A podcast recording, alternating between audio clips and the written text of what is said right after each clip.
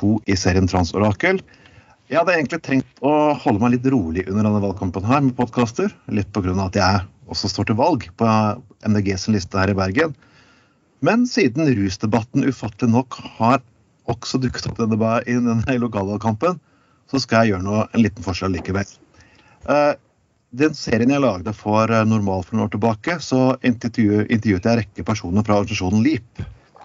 Det er som er en federasjon av jurister, politimenn og dom, tidligere dommere som har endret sitt syn på hvordan narkopolitikken bør drives. Bl.a. hvorvidt uh, Nixons krig mot narkotika er det faktisk det rette å gjøre. Jeg har ikke funnet så veldig mange i Norge som turte å, turt, turt å stå fram med annet syn. Noen har, men de har i hvert fall ikke vært eh, villige til å, å si det offentlig.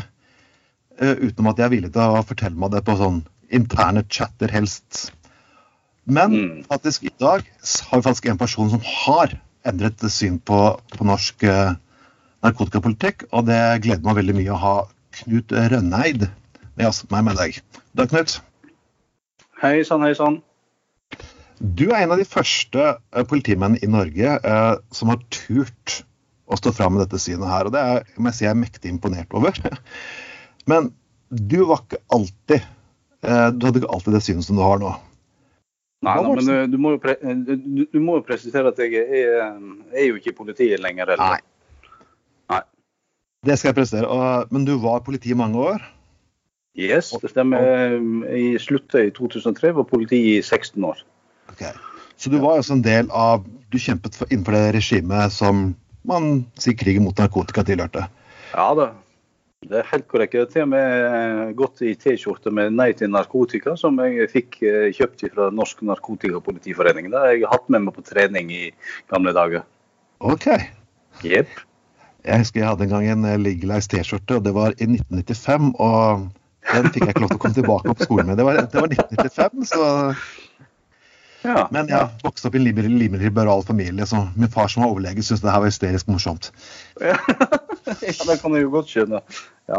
Men det var 1995, og det var Skien. Eh, hva fikk deg uh, Først presentasjon av deg selv. Du har jobbet i politiet i 16 år. Mm. Hva fikk deg til å endre syn?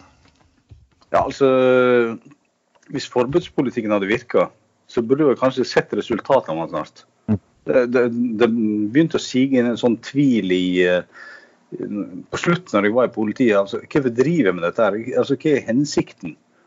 Det, det var liksom der det, det, begynte. Og så Etter slutta i etaten, så har det liksom bare eh, altså, Jeg har ikke brydd meg så veldig, da. Men så skjedde jo en episode for fire-fem år siden da, da to av sønnene mine var involvert i dette. her, og Da vi opplevde det fra politiets side, det var skal vi si, lite pent, og da er jeg veldig diplomatisk. Du kan si hva du vil i denne podkasten her, så hvis du har lyst til å gå nærmere inn på det, så er det opp til deg. Ja, nei, altså, Det er ikke noen stor hemmelighet. Eh, jeg hadde to, De to eldste sønnene mine de, eh, prøvde hasj. Ja. Eh, og de, de, var jo faktisk så dumme at de innrømte dette her i politiavhør. Og Noen måneder etterpå så ble de fratatt førerkortet. Og han yngste av 18 år da, han tok sitt eget liv som direkte følge av at han mista førerkortet. Han syntes det var fryktelig urettferdig og kunne ikke leve med det lenger. Og um, Så hadde det da kommet fram at det var førerkortbeslaget som, som, var grunnen til at dette her skjedde. og det, det, det var helt urimelig at han skulle miste førerkortet når han aldri hadde kjørt i rusa tilstand. Og Det syntes han var urettferdig, og da, det kunne han som sagt ikke leve med lenger. Og det, det var liksom hovedgrunnen til at jeg switcha helt over, iallfall.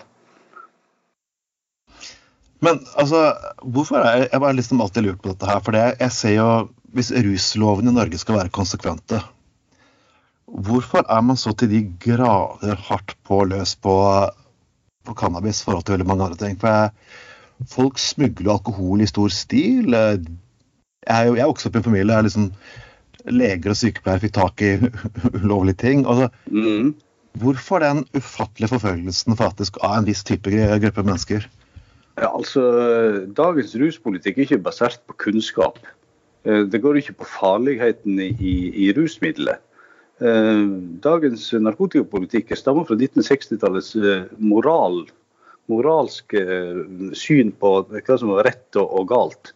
Med sterk støtte fra ja, politiet, ikke minst. Mm. Uh, og så hadde du selvfølgelig kristenfolket. Da var jo rusbruk fy-fy. Og så Avholdsbevegelsene har jo sine, sine svin på skogen. Og det, Alt dette stammer da fra 1960-tallet. Og På 1960-tallet så var det jo forbudt å være homo, bl.a. Men ja. eh, den loven ser vi jo nå er ganske komisk og, forelda. De er endra i 1972, hvis ikke tar helt feil. Men ruspolitikken rusloven er akkurat det samme i, i, 2019 som det er i altså 1966. Og Verden har forandra seg, og det har kommet masse kunnskap til siden den gangen.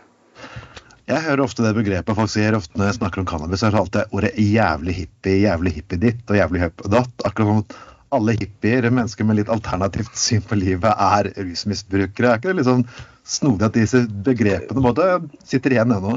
Ja, det er jækla stereotyp uh, holdning. altså. Det, det er bunner nok i uh, ikke altfor store uh, kunnskap om hva slags folk som egentlig bruker hasj. For det, det er nok atskillig mer vanlig enn det vi si, liker å tro. Uh, og det trenger ikke være hippie for å ta deg en hasjblås, altså. Jeg har aldri prøvd det sjøl, så uh, min erfaring er absolutt lik null på området. Men uh, jeg kjenner jo veldig, veldig mange som har prøvd. Og jeg tør påstå at jeg, jeg kjenner ingen hippier blant deg. Nei, det er jo merker liksom at man ser efter at når man forbyr rusmidler ofte, Man har vært historiske fakta på dette. Man tenker på hva slags type mennesker som bruker dette. her. Det har jo ofte vært inne at svarte har blitt også forfulgt for bruk av cannabis. Yes. Ja. Og, og, det har vært ofte en rasebit og, og type sosial renovasjon. for jeg hvis du tenker på all den kokainen som er smuglet Jeg, jeg ser veldig sjelden at uh, rike folk som, bruker, som, er de som bruker disse stoffene, blir, er tatt for disse her. Men veldig mange mennesker litt ned i sosiale gradene som bruker cannabis, blir tatt. Ja, det er nok ikke tilfeldig. Og, og narkotikapolitikken begynner jo å ha et sterkt innslag av uh, rasisme i seg. Det er ikke til å komme ifra. Det stammer jo fra ytterste høyrefløy i amerikansk politikk for å holde det de kaller negre og degos og kinesere, liksom litt Holde det litt i tømmen. Henholdsvis opium og cannabis og kokain og hva det måtte være. Det er der dette stammer ifra. Det er altså en uh, stigmatisering av det som er litt annerledes i gåseøyne. Så men hvorfor, jeg, jeg, er så imponert over at denne stereotype holdningen den, den eksisterer både til venstre og høyre i norsk politikk. Ja. Jeg, har, jeg, har, diskutert både med Fremskrittspartiet-folk og folk i Rødt. Og det, ordene de bruker mot folk som bruker andre rusmidler enn alkohol, er, er, ganske like. Så hvordan, hvordan har dette her skjedd? Ja, Det var et veldig godt spørsmål. Men det er jo gamle holdninger. liksom En forestilling som henger igjen. At denne her Hasjbrukeren det var jo disse som satt på Woodstock. Da, 'Make peace, not war', dette greiene. Og det er jo en gang sånn at eh, Hvis vi kan lage peace framfor war, så burde du tiljuble det. Og ikke uh, se på det med, med bøtelegge dem og straffe dem bare fordi de røykte og, og, tok livet ganske avslappet og åt potetgull. Det er ikke det som lager vansker i verden.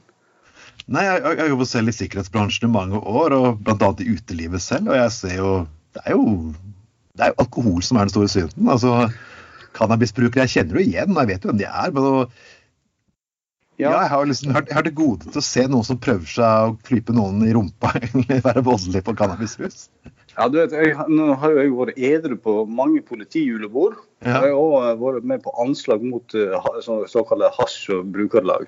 Altså, um, Det er vel ikke tvil om hvordan oppførselen har vært mest betenkelig. da for å si det, denne fulle politifolk i lukka lag, det, det, kan, det, er et selsomt syn. Oh. For å si det mildt. det er nesten verre enn eh, politikernes ja, hemmelige stridsfest. Ja. Jeg har jo aldri, aldri vært på noe sånn politikerjulebord, men jeg har vært på, som sagt, på politijulebord. og det er altså, det er, det, det er ja, Folk hadde blitt rysta hvis de hadde sett hva dette var. Men uh, det er nå så sin sak. Det må være lov å rå seg litt løs på en firmafest, hvis ikke mange sier. Men uh, ja. Det, det, jeg har sett masse rart i edru tilstand på julebord. Men jeg bare sånn, jeg lurer på, Hvorfor er det sånn vittig prestisje innad i politiet å, ta folk som driver med rusmidler? Jeg, jeg, bare sånn, jeg, jobbet, jeg jobbet selvfølgelig i, i, på Prosenteret i Oslo på slutten av 90-tallet. Og der hadde jeg mm. stadig vekk saker med prostituerte som har blitt misbrukt og lignende. Og det var utrolig vanskelig å nå fram til politiet om disse sakene.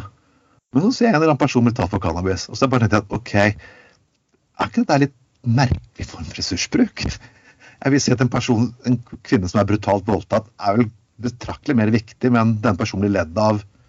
Mens jeg ser noen bli tatt for kanskje 0,3 eller ganger filleting, vil jeg si da. Ja, jeg har inget problem med å være med på den tankegangen der. Men altså, det å ta en eller annen rusbruker, narkoman eller en som bruker cannabis eller amfetamin, eller hva det, det er jo jækla enkelt.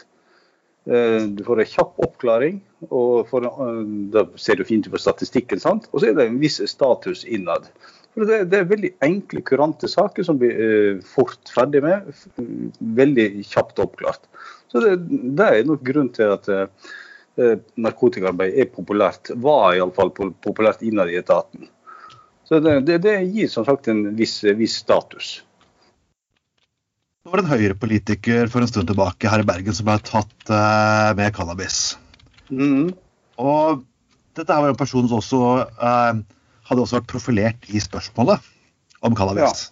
Ja. ja. Tror du det her var noe tilfeldighet? Ja, altså Sannsynligvis, men, men, det blir jo ren sånn uh, tipping fra min side. Grunnen til, at spør er at, uh, grunnen til at jeg nevner det, er på grunn til at jeg har lest politiet, etter politivedtekter og sier at man bør holde øye med mennesker i miljøer som argumenterer for legalisering. Ja, Uh, det er derfor jeg lurer på det. Eh, ja, jeg vet jo at Politidirektoratet kom jo med en sånn totalt famøst utsagn som dette. Altså, jeg skjønner ikke at det går an. altså. Omtrent som dette skulle være liksom, samfunnets fiende, de som sitter og røyker, røyker hasj og, og, taler for at det skal være liberaliseringen der må være OK. Men sånne skal de holde øye med. Altså, det, det er komplett uforståelig. Altså, De som sitter og tar seg bønner, de har aldri gjort en flugefortred, så vidt jeg kjenner til. Det er ikke spesielt sunt å sitte og røyke, kanskje, men de er iallfall ikke farlige eller til sjenanse for andre. Eh, et kronargument, jeg kan ikke komme bort denne kronargumentet, for det blir brukt igjen. Er cannabis innfallsporten til sterkere stoffer? Nei, det, det, det, Den myten der, for det er akkurat det, den er jo tilbakevist for årevis siden. Men jeg ser jo den eh, kommer opp gang etter gang etter gang. Men det, altså, cannabis er ikke noen inngangsport til Eh, narkotikahelvete, denne forbruker klisjeen der. Ja. Eh, mobbing, overgrep, eh, psykiske problem, det er inngangen til, til rusbruk. Og det starter, Du går ikke rett ifra hasj til heroin. Nå er det jo hundretusenvis av nordmenn som har brukt hasj. Og, så, og Da skulle man vel naturligvis tro at det fantes hundretusenvis av heroinbrukere rundt omkring i landet, men det er det jo ikke. Nei, for det, jeg kjenner stor omgangskrets gjennom flere år, og jeg må beklagelig sitte og si at uh, jeg kan ikke huske en av de som egentlig har Nei, altså, på Men jeg har sett flere politikere drikke seg her. Ja. Det er, alkohol er et veldig farlig rusmiddel. Eh, atskillig verre enn cannabis. Cannabisbruk er ikke ufarlig, for all del. Men det, alkohol er så mye, mye verre. Men da kan du altså gå omkring på butikken og kjøpe eh, dagen lang omtrent. Mm. Mens du havner, blir bøtelagt og straffa hvis du da røyker en bønne. sant? Så det, det, liksom, det, det, er ikke proporsjonalt i det hele tatt. En annen klisjé som kommer frem, er jo det at det fører til mye mer psykiske problemer og psykoser. Ja, hva kom først? Høna eller egget? Var det psykiske, psykiske problemer som kom først? det var cannabisen som kom først. Er, jeg leser forsk, forskningsrapporter som, eh, som sier at du, du, hyppig, langvarig eh, cannabisbruk for unge mennesker da kan medføre eh, psykiske skader. Altså, men unge, unge mennesker skal ikke bruke sånt. Men altså, når vi har overlatt markedet til kriminelle, mm så jo det, de spør jo ikke etter aldersgrense. Dette er en naturlig konsekvens at vi, våre kriminelle stiller dårlig dritt opp til våre barn. Ja, jeg skal ikke få deg til å snakke dritt om eh, tidligere kollegaer, men eh, vi, må, vi kan ikke komme unna under norsk narkotikapolitikk en mann som heter Jan Bresil. Ja, jeg har aldri møtt, jeg har aldri møtt vedkommende, og jeg kommer aldri til å snakke noe stygt om personen. Nei, men jeg, jeg, det jeg lurer på faktisk han, vi, Jeg var i debatt faktisk på en av normal faktisk studentradioen, og de nektet å Norsk Narkotikapoliti ville ikke møte opp. Ja, Det er en vanlig strategi, da. Jeg prøvde å argumentere mot Jan Bresel helt greit på Norsk Narkotikaforening sine Facebook-sider og blitt uh, blokkert. Jeg er blitt blokkert ja. på Twitter-kontoen hans. Jeg, jeg, kan forstå dette her hvis jeg hadde kalt den et eller annet stygt som jævla ditt eller jævla datt, men jeg har liksom prøvd å, prøvd å ta en debatt. Og nå ja. sender de ut en eh, melding at de bør dro eh, mot at de måtte hindre Unge Venstre å argumentere for sitt syn i skoledebattene. Hva viser dette her egentlig om, om ukultur? Ja, altså, det, det, det, det, er helt forskrekkende å se. Altså. Du har altså en, en forening forkledd som politifolk, som da er frivillig og ideell, som da skal gå ut og, og, går aktivt ut og prøve å hindre et politisk budskap under påskudd av at dette skal liksom være reklame på cannabis. Altså, Mer misforstått det der skal du jaggu lete lenge etter. Altså, og Dette er ikke ute etter, etter personen Bresil, for all del, han uh, kan være en hyggelig fyr, for alt jeg kjenner. Uh, det, jeg har sett med intervjuene på ham på TV, sånt, han framstår veldig veldig sympatisk. Men altså, det, det organisasjonen som han, som han, leder, der er det en eller annen vesentlig feil ja, en eller annen plass. Det, det er en, en systemsvikt av en annen verden. Men hvorfor tror du dette? Hvorfor, altså, hva tror du hadde skjedd hvis noen politimenn nå uh, her i Bergen sa at da, gi opp uh, krigen mot narkotika, vi vil legalisere cannabis? Hva tror du hadde skjedd med disse oh, karrieremessig? Ja, altså, jeg har, jeg har, jo fått henvendelse fra politifolk ifra, ifra, ikke bare her i fylket, men ja. faktisk fra hele Vestlandet, som sier at de er enige med meg. Mm. Men de kan ikke si det offentlig. Men vet nå er jeg jo i uteetaten, så jeg kan si alt hva jeg vil. Men eh, jeg kan jo aldri navngi disse folk her, eller noe sånt. For det er jo drept meg for enhver karrieremulighet innad i etatene. Nei, jeg vil ikke, vi skal ikke henge ut mennesker. Det viktigste er nei, nei, nei, nei. Jeg er helt enig. Men er ikke det her utrolig totalitært? At politimenn som vokser opp og så ser dette her, må liksom holde kjeft og bare fortsette? Det er jo Ja, altså, det, det, det er Guds lykke at dette heldigvis er i ferd med å snu litt. Grann. Det går seint, men det går rette veien. Altså, Opprettelsen av LIP hadde vært helt ja. utenkelig på den tida jeg jobba i etaten. Ja. Og nå er det, Vi har jo faktisk eh, Det, det, er jo en liten organisasjon, for all del. Ja. Men han er, voks, han er i vekst, og det, det, en del av de som sitter der, sitter med umåtelige kunnskap. Mm. Jeg er mektig imponert over mange av de som er med der. Jeg har bl.a. intervjuet Neil Woods i en tidligere podkast, og han har såpass mange år undercover burde kunne fortelle Ja, ja, ja at dette her skjer, kan du si. Ja, altså, hadde jo da, altså, Du har jo folk på Politiskolen. Sant? Du har rusforskere som har faktisk faglig belegg for sine påstander. Ja. Men altså, når en stor rapport ble lagt fram for en del år siden, så var jo Narkotikapolitiforeningen svært kritisk til at han leverte et, rapporten leverte et annet resultat enn de ønska. Så, så det mente jo faktisk at denne rapporten burde egentlig aldri komme fram.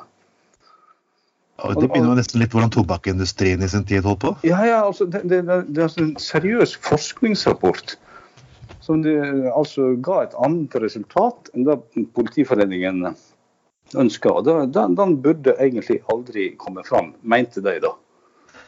Det er noe som skjedde med David Nutt bl.a. i Storbritannia, som er en person jeg kommer til ja, ja, ja. ja jeg kjenner, den der. Altså, du kan altså bare reise til Oslo på, og forske på Politiskolen, som opplevde akkurat det samme. Det er en ting oppi dette her som Jeg synes er veldig, jeg kjenner jo Mellebank som driver med økologisk landbruk. og de, Dette her tar helt av at man tydelig ikke vil legalisere planten hemp, som, ligner, som er en del av cannabisfamilien, men som ikke brukes som rusmidler. Ja, det, Hva er det fanatismen rundt det? Jeg det. Det er, liksom... ja, det, det er enda et ledd i denne totalt bananruspolitikken som vi fører. Altså, bare det med å få tak i sånn CBD-olje er jo et sant byråkrati. Ja. Ja altså, og, og det, det, har jo, det, har jo, nesten ikke sånn THC i seg i det hele tatt. Men likevel, for det er en mikroskopisk mengde THC, så er det uh, oppfattet som uh, narkotika. Og da, han, lege, han uh, Steinar Madsen i Legemiddelverket han sa det jo så passende. Det var, det var samme ruseffekten som å drikke kefir. Ja. Altså, vi ser paradokser. Det er helt uforståelig politikk. De siste ukene har jeg drevet og hatt en eh, halsbetennelse, så jeg har fått et morsomt middel fra legen min som heter Kosylan. Ja, ja, ja, ja, det er kjempegodt, vet du. Ja, mm. Ja, og det inneholder faktisk mer, mer ulov... Sånn narkotika, okay. faktisk. Ja, ja, det det, det, det var ikke jeg klar over. Ja vel, ja vel. Ja, det, Ja, men liksom altså, jeg, kan få jeg kan få medisiner fra min lege helt lovlig. ja. Og så er bøter, det ser vi aldri, kan jeg ikke få. Ja. Ja, ja, men altså, du får jo tak i det her helt på legalt område, og det funker vel rimelig greit. da. Verden går ikke under for at du får tak i det på en legal måte. Nei. Nei, det er akkurat. Du kunne ikke bare få tak i dette eh, denne CBD-oljen ved enkel legetilvisning, istedenfor at det skal inn og godkjennes av eh, Helsetilsynet eller hva det er. Du kunne ikke bare fått en sånn uh, sak fra legen under resept. Nå er det bare 60-70 personer som får bruke sånn cannabisolje her i landet. Ja, jeg har fått, eh, det er en av tingene jeg drev i normal, henvendelsene fra mennesker som ville ha den oljen, som Mhm. ikke var rusbrukere. Men så Ja. følte at de hadde bodd i USA og lignende, så de følte at det her, og de opplevde det byråkratiske helvete. Mm, det skjønner jeg veldig godt. Det, er altså, det, det er jo byråkrati i annen verden for å få tak i dette her. Men kan dette ha noe med medisinindustrien også som er kritisk støttet her? For det er jo kjent at Nei. medisin, farmasøytisk industri i USA har støttet aktivister imot cannabis og CBD-olje. Ja, altså, da er vi litt mer ute i konspiranøyaland. Ja. Altså, jeg, jeg, jeg vet ikke helt om jeg tror på den, altså. Eh, Dette er en, skulle nok mer en slags innebodd vrangvilje fra mange tiår mot eh, eh, i Nederland. landet. Det, det er nok mer på den, eh, den fronten der. Tror jeg, da. Nei, jeg har bare hatt noen Jeg bare det der, jeg, altså- jeg ikke om Jeg bare sjekket, jeg sjekket tallene hvem som finansierer valgkampen i USA er ganske åpne. Så det er derfor jeg bare lurte på dette her. Ja. Ja, nei, men altså, jeg, jeg heller tror at Hvis dette her hadde vært et fantastisk vidundermiddel, så ville legemiddelindustrien bare kasta seg på det. Mm. Og gjort det stikk motsatt og gått inn for, for at dette her var, var noe som vi virkelig måtte få på plass. For at uh, Legemiddelindustrien den er rimelig kynisk og går etter profitt. Og Ja. Hvis de ser et eller annet de kan tjene penger på, så går de for det. Det, det er bare at det er så strenge krav til dok dokumentasjon på virkning og sånne ting. Så eh, jeg vil tro at eh, i framtiden så vil jeg, ser jeg nok for meg at store legemiddelprodusenter vil, vil gå inn og lage dette sjøl. Det føler jeg meg rimelig sikker på. Jeg kommer bort fra at legaliseringsbevegelsen alltid ikke har vært eh, kanskje like seriøs heller. Hva, hva mener du den egentlig gjør feil? Eh, for det har jo vært eh, Ja, altså, jeg, jeg har sett masse sånne rare påstander. Dette her er omtrent Guds gave til menneskeheten. Det er Ja, det- å få ta seg en cannabisblås. Det, det er like fjernt og dumt å høre sånt som å, påstå at eh, cannabisbruk fører deg til rett til, eh, til plata i Oslo, og du ender opp som heroin. Det, det finnes en gyllen mellomvei der. ja. Ja, det, det er ikke noe vidundermiddel mot, all, mot alskens eh, kreft og sykdom, men det er heller ikke veien til helvete, altså. Hvordan vil du regulere dette? Ja, altså det, det er mange sånne modeller som er ute og går her. Eh, personlig så ville jeg tenkt meg en eh, streng statlig kontroll på dette. Innmonopol for lettere Ja. type stoff, eller eh, sånne, sånne klubbsystem som de har i Spania. Men eh, vinmonopolløsning i en eller annen variant Mm. på f.eks. cannabis, da tror jeg hadde fungert greit. Eh, sterkere stoff, heroin, sånne ting, da må du få på eh, legeresept. Det skulle ikke være så jækla vanskelig å få det til. Å, gi tunge misbrukere et eh, verdig liv og et trygt alternativ på den måten der. Heroin er jo dritbillig å lage. Vi får hele tiden høre at det er ikke nok eh, EU er problemet, vi har ikke strenge nok grenser for å stoppe narkotika. Og å, si ja til legalisering være fallitt. Det er alle disse, disse tingene som går igjen. Tror det finnes noen økning i politiressurser som kan faktisk hindre faktisk eh, stoppe, narko eh, stoppe Nei. narkotikatilstand i Norge? Nei, ikke i det hele tatt. Eh, Da må du faktisk gå til hermetisk lukka samfunn. og Du må inn med sånne midler at det, det vil gå på bekostning av enkeltmennesket sin, sin personlige frihet og alt mulig der. Eh, Nei, det, det er helt urealistisk å tro. Du ser jo i, i Mexico, de satt inn hæren mot narkotikabander. Yep. Og ikke, og ikke engang det fungerer. Og på Filippinene så er det jo uh, rene dødsskvadroner som er ute og skyter narkomane og selgere. selgere. Ikke engang det fungerer. Sant? Så det, er helt meningsløst å fortsette denne krigen der. Aktis og Juvente, Unge mot narkotika, har jo alltid en påstand at vi har hatt en suksessfull narkotikapolitikk. For det er faktisk vi har få brukere og folk som har testet det i det norske samfunnet. Hva, hva er det å si til det? Ja, men Det er jo ikke få som bruker det. sant? Altså, de, de, de, påstår, de, de statistikk som viser at det er såpass få har prøvd de ene stoffene og det andre. Ja, eh. men det, det, det er ikke forbudet sin fortjeneste at øh, svært få unge bruker cannabis. Det, det, det, er jo forbudt stort sett i hele Europa, og, og graden av bruk jo, varierer jo voldsomt. Så forbudet har ingen effekt på det. Det er andre ting som gjør at vi har lav cannabisbruk. Og det er f.eks. alternativet heter alkohol. Mm. Det, det er det kultur for. Så det, det er ikke så himla mye verre enn det, altså. Det er jo litt forskjellig, for Jeg har sett noen statistikker som sier at Nederland har et ganske moderat bruk, men Belgia, der det er forbudt, har et ganske høyt forbruk. Ja. Uh, så Det er jo litt sånn forskjellig, jeg prøver å vise dette her. Men hvorfor tror disse avholdsbevegelsene likevel holder på det tilstandet at norsk narkotikapolitikk har vært en stor suksess? Ja, altså, jeg, kan, jeg tror nok at bruken er liten. Og det er nok det eneste argumentet jeg har. Men, mm. Eh, men altså, norsk narkotikabruk den er ikke liten. Og Oslo er Europas amfetaminhovedstad. Det ser en jo på eh, avlesning av kloakkvannet. Og, og 860 eh, 000 nordmenn har prøvd hasj en eller annen gang. Og vi har overdosedødsfall i europatoppen. Altså, Hvordan skal dette være vellykka? Altså, Vil de ikke innse realitetene? Det virker nesten sånn, altså. Nei, jeg skulle, skulle tro det, men de, de, de, forsøker jo det hele den der hvorfor, hvorfor, hvorfor, er det så veldig vanskelig? For Jeg, jeg har drevet med den politiske debatten her i 20 år. og jeg husker den første mm. gangen de hadde det her, det var vel Venstres landsmøte på Lillehammer på slutten av 90-tallet. Da var det kun tre av oss som turte å stemme for legalisering av cannabis. Ja. Det er bare å si til Unge Venstre der ute, slå den! Jeg var før dere, lenge før dere. ja, ja, verden har gått framover, altså. Hvorfor tror du, Det er nesten en risiko å si at du er for legalisering. Jeg ja, mistet mitt forrige radioshow pga. at jeg sa jeg var for legalisering. Mm. Hvorfor den utrolig liksom, Hvis jeg sier jeg for si, øke fartsgrensene på norske veier, sier at jeg for en eh, krig i Iran, ingen konsekvenser. Men plutselig jeg for legalisering av cannabis, og folk begynner å se på du Kan du velge seg det vervet? Kan du få den jobben? Hvorfor, hvorfor er det, jeg, jeg klarer ikke helt forfatningen av det her. Nei, det kan du jaggu si, altså. Jeg, eh, det er utrolig interessant eh, problemstilling som sosiologer burde virkelig tatt et dypdykk inn i denne saken der. Så det, det, altså, dette, dette, med rusbruk er et forunderlig fenomen, norsk fenomen. Altså, du skal liksom eh, Ja, det er OK å drikke seg dritings, sant? Det, det, er helt OK.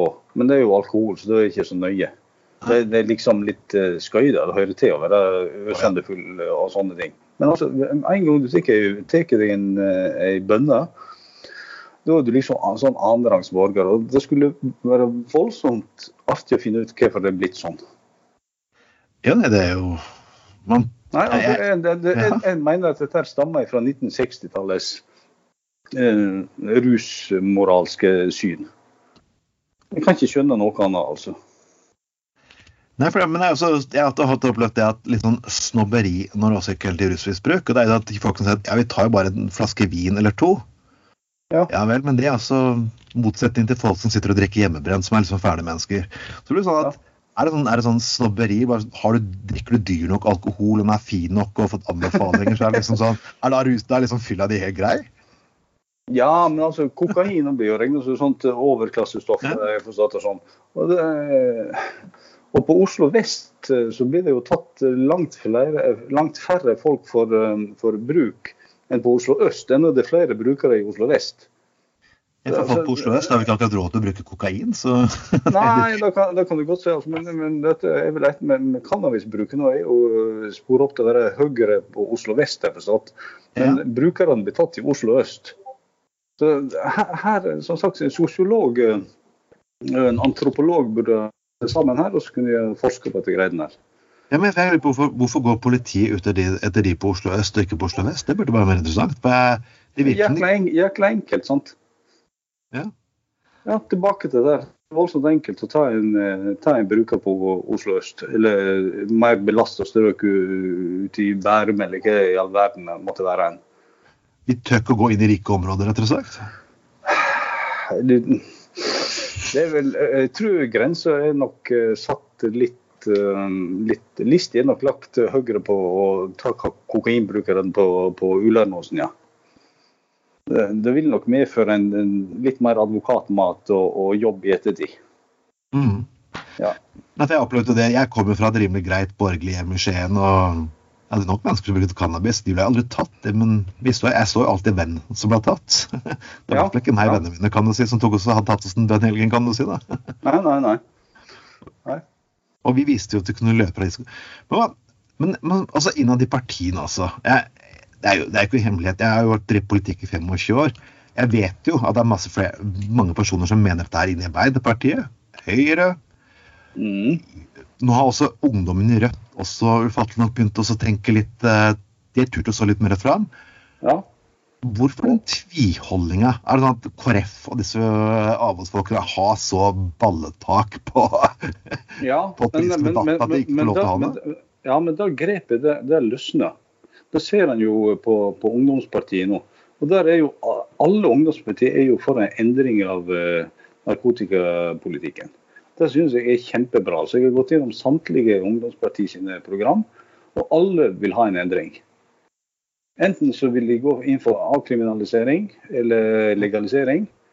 Og så er det bare KrF da selvfølgelig som bruker uttrykket depenalisering. Men, eh, Dekriminalisering, altså, hva, hva, hva, er det for et begrep? Ja, det, straffepleien det, det, det, skal fremdeles håndteres i, i, i, av justisvesenet, men du får jo ikke straff.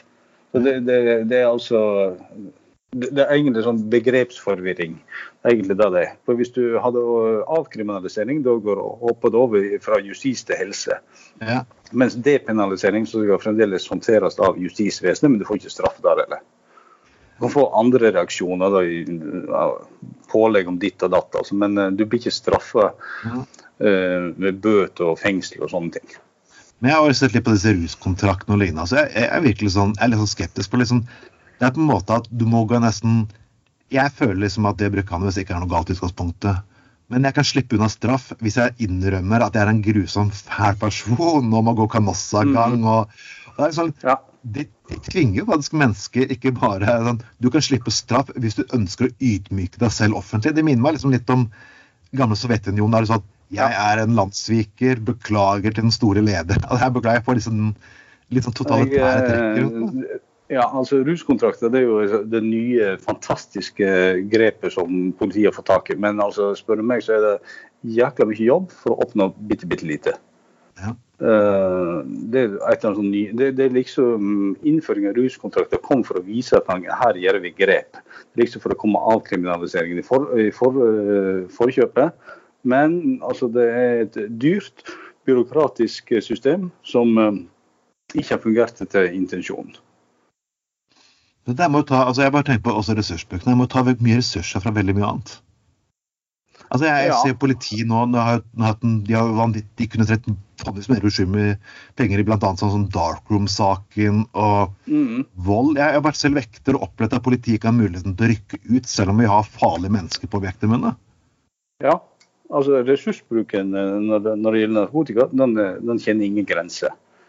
Uh, og Vi har jo alle hørt denne historien om at nei, de går ikke etter brukerne lenger. og Da slutta med for lengst. Altså. Statistikken lyver ikke. Den viser at jo, politiet de går etter brukerne like hjertelig nesten nå som de gjorde for 15-20 år siden. Altså, dette er det offentlige tall på i SSB. Det kan ikke snu deg unna. Nesten 18 000 saker ble opp, oppretta Eh, for bruk og erverv, som vi kaller det, i 2017. Eller 2018. 18 000?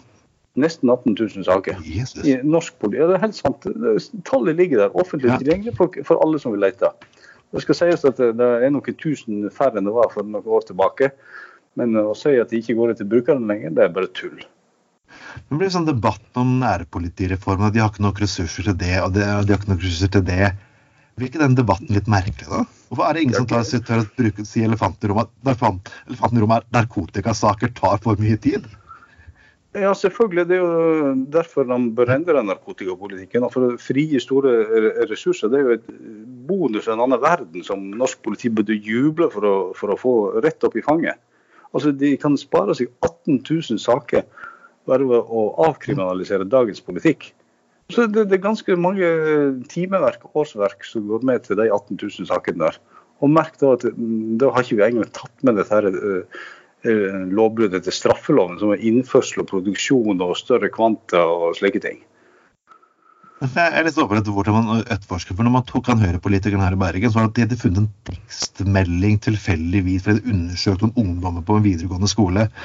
Jeg bare tenker Vi skal drive på å overvåke folks mobiltelefoner og finne etter tekstmeldinger. Det, det, det, det, tar litt tid, sånne ting Sånn Ja, det, er ganske ressurskrevende greier. og Det var jo det som gjorde at disse guttene mine ble tatt i sin tid. Det var jo ja. tekstmeldinger og sånne ting. Og så Samtidig var så dumme at de innrømte dette. her da. Det skulle jeg jo selvfølgelig aldri ha gjort, men det er jo for seint nå. Det må jo være utrolig eh, Hvordan ser du på det? For du, du, har vært med Hvordan tenker du selv om din egen rolle som har vært med å drive dette jobbe i det systemet her? Uh, mens det sto på, så var det himla gøy. Ja. Og spennende. Sånn, litt action.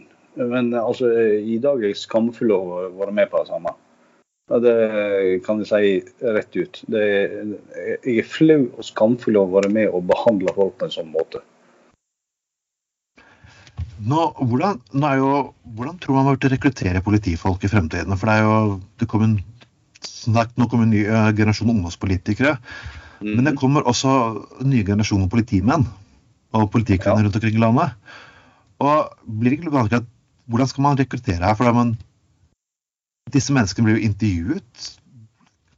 Ja, Vil de fortsatt kunne bli silet ut mennesker? Må man tenke annerledes hvordan man siler ut mennesker da med visse holdninger? Nei, det tror jeg faktisk ikke. altså. Det, den gamle forskningen er at det er sterke bondesønner som blir politifolk, den er for lengst vekke. Ja. Og uh, vi er mer ute Det, det er en helt annen type politikorps i dag enn uh, når jeg begynte. Det, det, er stor forskjell. I dag må jo folk faktisk uh, kunne litt, grann, ja, for, for å si det litt stygt. Men er bare opplevd å snakke med politi, ja, Politiarbeid før i tiden var mye enklere enn det er i dag. For det er en helt annen type kriminalitet i 2019 enn det var i 1990. Jo, jeg tenker litt på holdninger.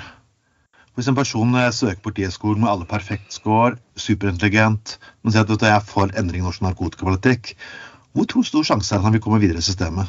Ja, da, I dag eh, tror jeg faktisk det er en viss sjanse for det.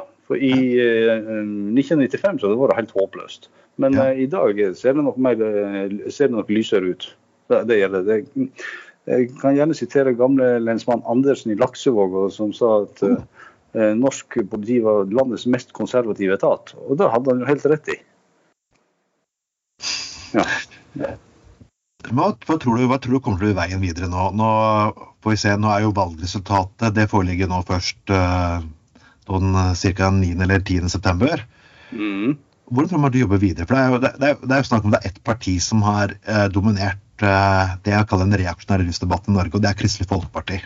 Ja, Alle forholder seg til dette her partiet her, uansett om man er til venstre eller til høyre eller sentrum, fordi man ikke vil provosere Kristelig Folkeparti. Ja. Tror du et, eh, at et parti forsvinner kan stort sett hjelpe oss? Beklager, jeg var ja, den, eh, altså, det, det, hadde vært fantastisk bra om det kom eh, altså Jeg står jo på venstrelista sjøl, og ja, det er jo okay. regjerings, regjeringspartner. Eh, ok, Men eh, altså Når jeg ble spurt om å være med på, på den lokale lista her, ja. så satt jeg veldig langt inne, nettopp pga. Uh, Frp, ikke minst, og den ja. utlendingspolitikken de fører, og så den ruspolitikken til, til KrF, som jeg ikke har sans for i det hele tatt. Nei, det skjønner jeg godt. Så eh, jo, Det ser jo lovende ut. Ungdomsskolevalget gikk jo veldig bra. KrFU gikk ut og takka alle sine medlemmer for godt, eh, godt arbeid. og KrFU oppnådde 2,3% på skolevalget og gikk tilbake 0,9. Men det var altså kjempegodt jobba. Så eh, det, altså, Framtiden ser lys ut, egentlig.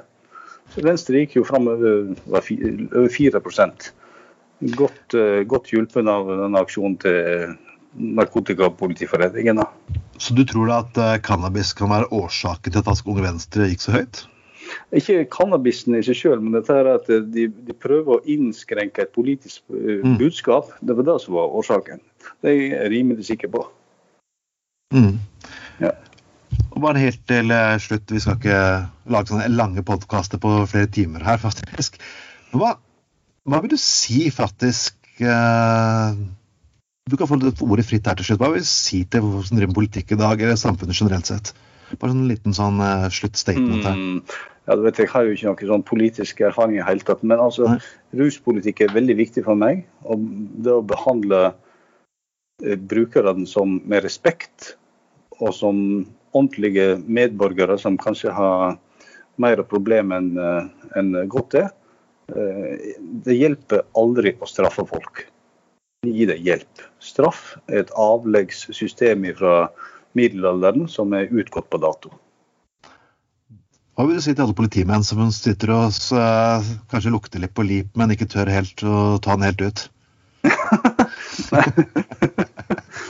Nei, altså eh, Mine erfaringer med, med rusfronten sjøl Jeg har jo aldri prøvd noe sterkere enn en øl, og, øl og vin og sprit. Og det er mange år siden sist jeg drakk en uh, spritskvett. Så altså jeg, jeg, tror jeg tenker sånn som mange andre. Hvis det dukker opp uh, cannabis blir lovlig, så kan man prøve det, og så får vi se hvordan det går. Hvis dette er bedre enn å ta seg en øl, OK da. Og hvis det ikke, så er det bare til å la være. Mm. Ja, så det, jeg, jeg, tror ikke Verden går ikke unna om du tenker hasj på oss, altså. Ja, da kan jeg til slutt si at uh, er det noen politifolk der ute uh, de, det, tar mot lignende som har ønsker å kontakt med LIP, så ja. Da kan de bare følge linken under den podkasten. Yes, yes, yes, de, de finner jo på nettet, vet du. Og husk at dere, dere til alle politifolk der som vet at den politikken er feil, men ikke tør, dere er ikke aleine. Og dere vil stå på rett tid av historien hvis dere tør å følge med. Tusen hjertelig takk til Knut eh, Røneid. Og vi kommer tilbake i en senere podkast.